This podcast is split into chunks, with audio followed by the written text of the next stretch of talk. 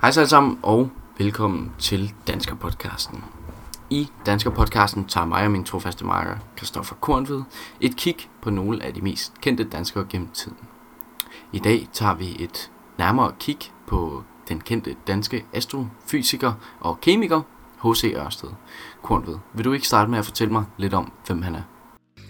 Jo. Hos os har man dansk fysiker og kemiker, der blev verdensberømt for opdagelsen af elektromagnetismen. Han var bror til A.S. Ørsted.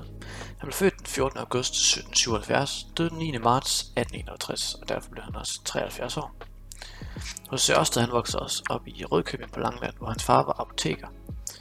Øh, Ørsteds skoleuddannelse var sådan mere eller mindre tilfældig. Han blev blandt andet undervist af en tysk, øh, i tysk og religion af en tysk parrykmager men dog et nært forhold til ham og hans øh, yngre bror A.S. Ørsted, øh, fik en ret stor betydning i det, at øh, de indbyrdes vejledte hinanden i forskellige fag.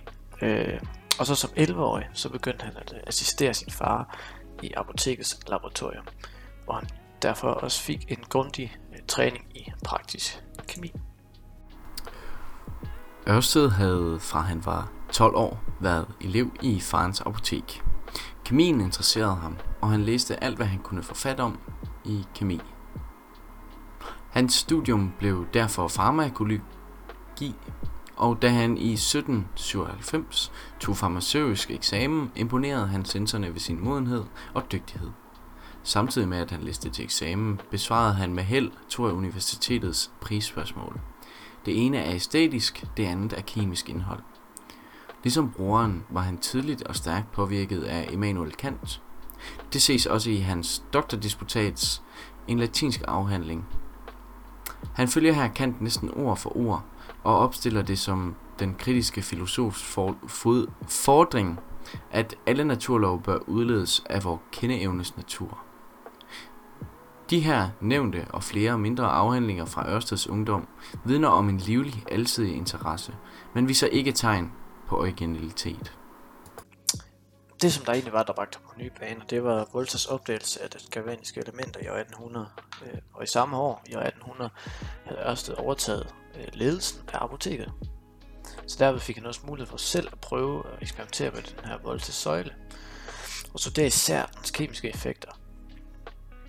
For at måle disse konstruerede han i 1801 et apparat, øh, der meget minder om Faradays voltameter. Han var ivrig efter at rejse ud i verden for at møde andre store kemikere og fysikere. Øh, men han søgte også samtidig en professorat i fysik. Det, det fik han ikke, øh, men så han var nøjes øh, med den 7. november år 1800 at blive adjunkt ved universitetet. Igen dog uden løn.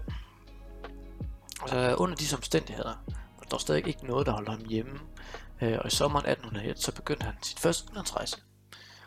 Øh, rejsen gik øh, til Tyskland, hvor han øh, i Weimar, der traf han Johan Wilhelm Ritter. Ørsted knyttede øh, meget hurtigt og straks et venskab med ham, øh, skaffer ham senere en stilling i München og arbejder under sit ophold i Paris på at skaffe ham anerkendelse og udmærkelse. Dog uden held. Øh, men til gengæld så ophold i Berlin, det var meget meget interessant og også lærerigt for ham. I München mødte han Grev Rumfort, han satte særlig stor pris på bekendtskabet med Franz Barter om hvem han har sagt. Han driver aldeles på, at den moralske og fysiske natur på det nøjeste hænger sammen, og at uden en sådan forbindelse fysikken og egentlig ingen værd har. Han stemmer i denne henseende meget med Ritter, og jeg er med begge. Det er lignende tanker, som Ørsted senere forsøgte at videreføre. Og så hans uddannelse er. I 1806 så blev Ørse udnævnt til ekstraordinær professor i fysik ved Københavns Universitet med pligt til at undervise i kemi og fysik. Og fra 1817 blev han ordinær professor. I 1818 så blev han medlem af det kongelige danske videnskabernes selskab, og i 1815 blev han også sekretær for det. Øh, som sekretær til sin død, øh, så udførte han et omfattende organisatorisk arbejde for selskabet, øh, og holdt samtidig medlemmerne underrettet og, om fremskridt inden for naturvidenskaberne, så de var opdateret. Øh, og det var ligesom hans arbejde. Hvis vi øh, tager et kig nærmere på Ørsteds familie, var han ikke kun i forhold til sit arbejde en travl mand. Med sin kone Inger Begitte fik han nemlig syv børn. Da de to mødte hinanden, arbejdede Inger faktisk som tjenestepige hos Ørsteds far. De blev forlovet og gift i 1814, og efter det levede de sammen helt frem til Ørsteds død i 1851. Og så øh, for lige at opsortere, hvad er det egentlig, han er så kendt for? Jamen han er jo kendt for det her med at opdage øh, de elektriske strømme, øh, som skaber magnetfelter. Så elektromagnetismen, som, øh, som han var den første, der fandt ud af i 1820. Øh, så, så der var han var en flittig og begavet forsker, og så øhm, i hans forsøg, og så der skabte han teorier, og så fandt han de her elektromagnetisme, øh, som, øh, som er sammenhæng mellem elektricitet og strøm. Øh, og magnetisme selvfølgelig også. Øh, så, så det er derfor, at H.C. Øh, Ørsted han er en, øh, en såkaldt kendt dansker. Her i Danmark har vi også et firma opkaldt efter Øh, H.C. Ørsted. Øh, det der tidligere er kendt som Dong Energy, øh, men som nu er Ørsted, er øh, et firma, som leverer strøm og er rangeret til det mest bæredygtige strøm, strømproducent i hele verden. De har omsat for over 67 milliarder kroner i 2019. De skriver på hjemmesiden.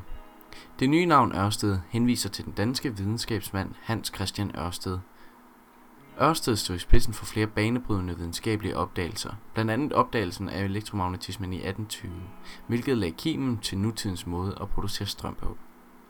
Så H.C. Ørsted er altså simpelthen så fin, at han har et helt dansk firma opkaldt efter sig. Og mine damer og herrer, det var altså alt, hvad mig, Niklas og Kristoffer Grundved havde for jer i dag. Vi håber, I har nyt og lytte til vores podcast episode, og der vil selvfølgelig komme en masse flere i fremtiden. I skal have tusind tak igen, fordi I gad at give et lyt med. Vi ses til næste gang.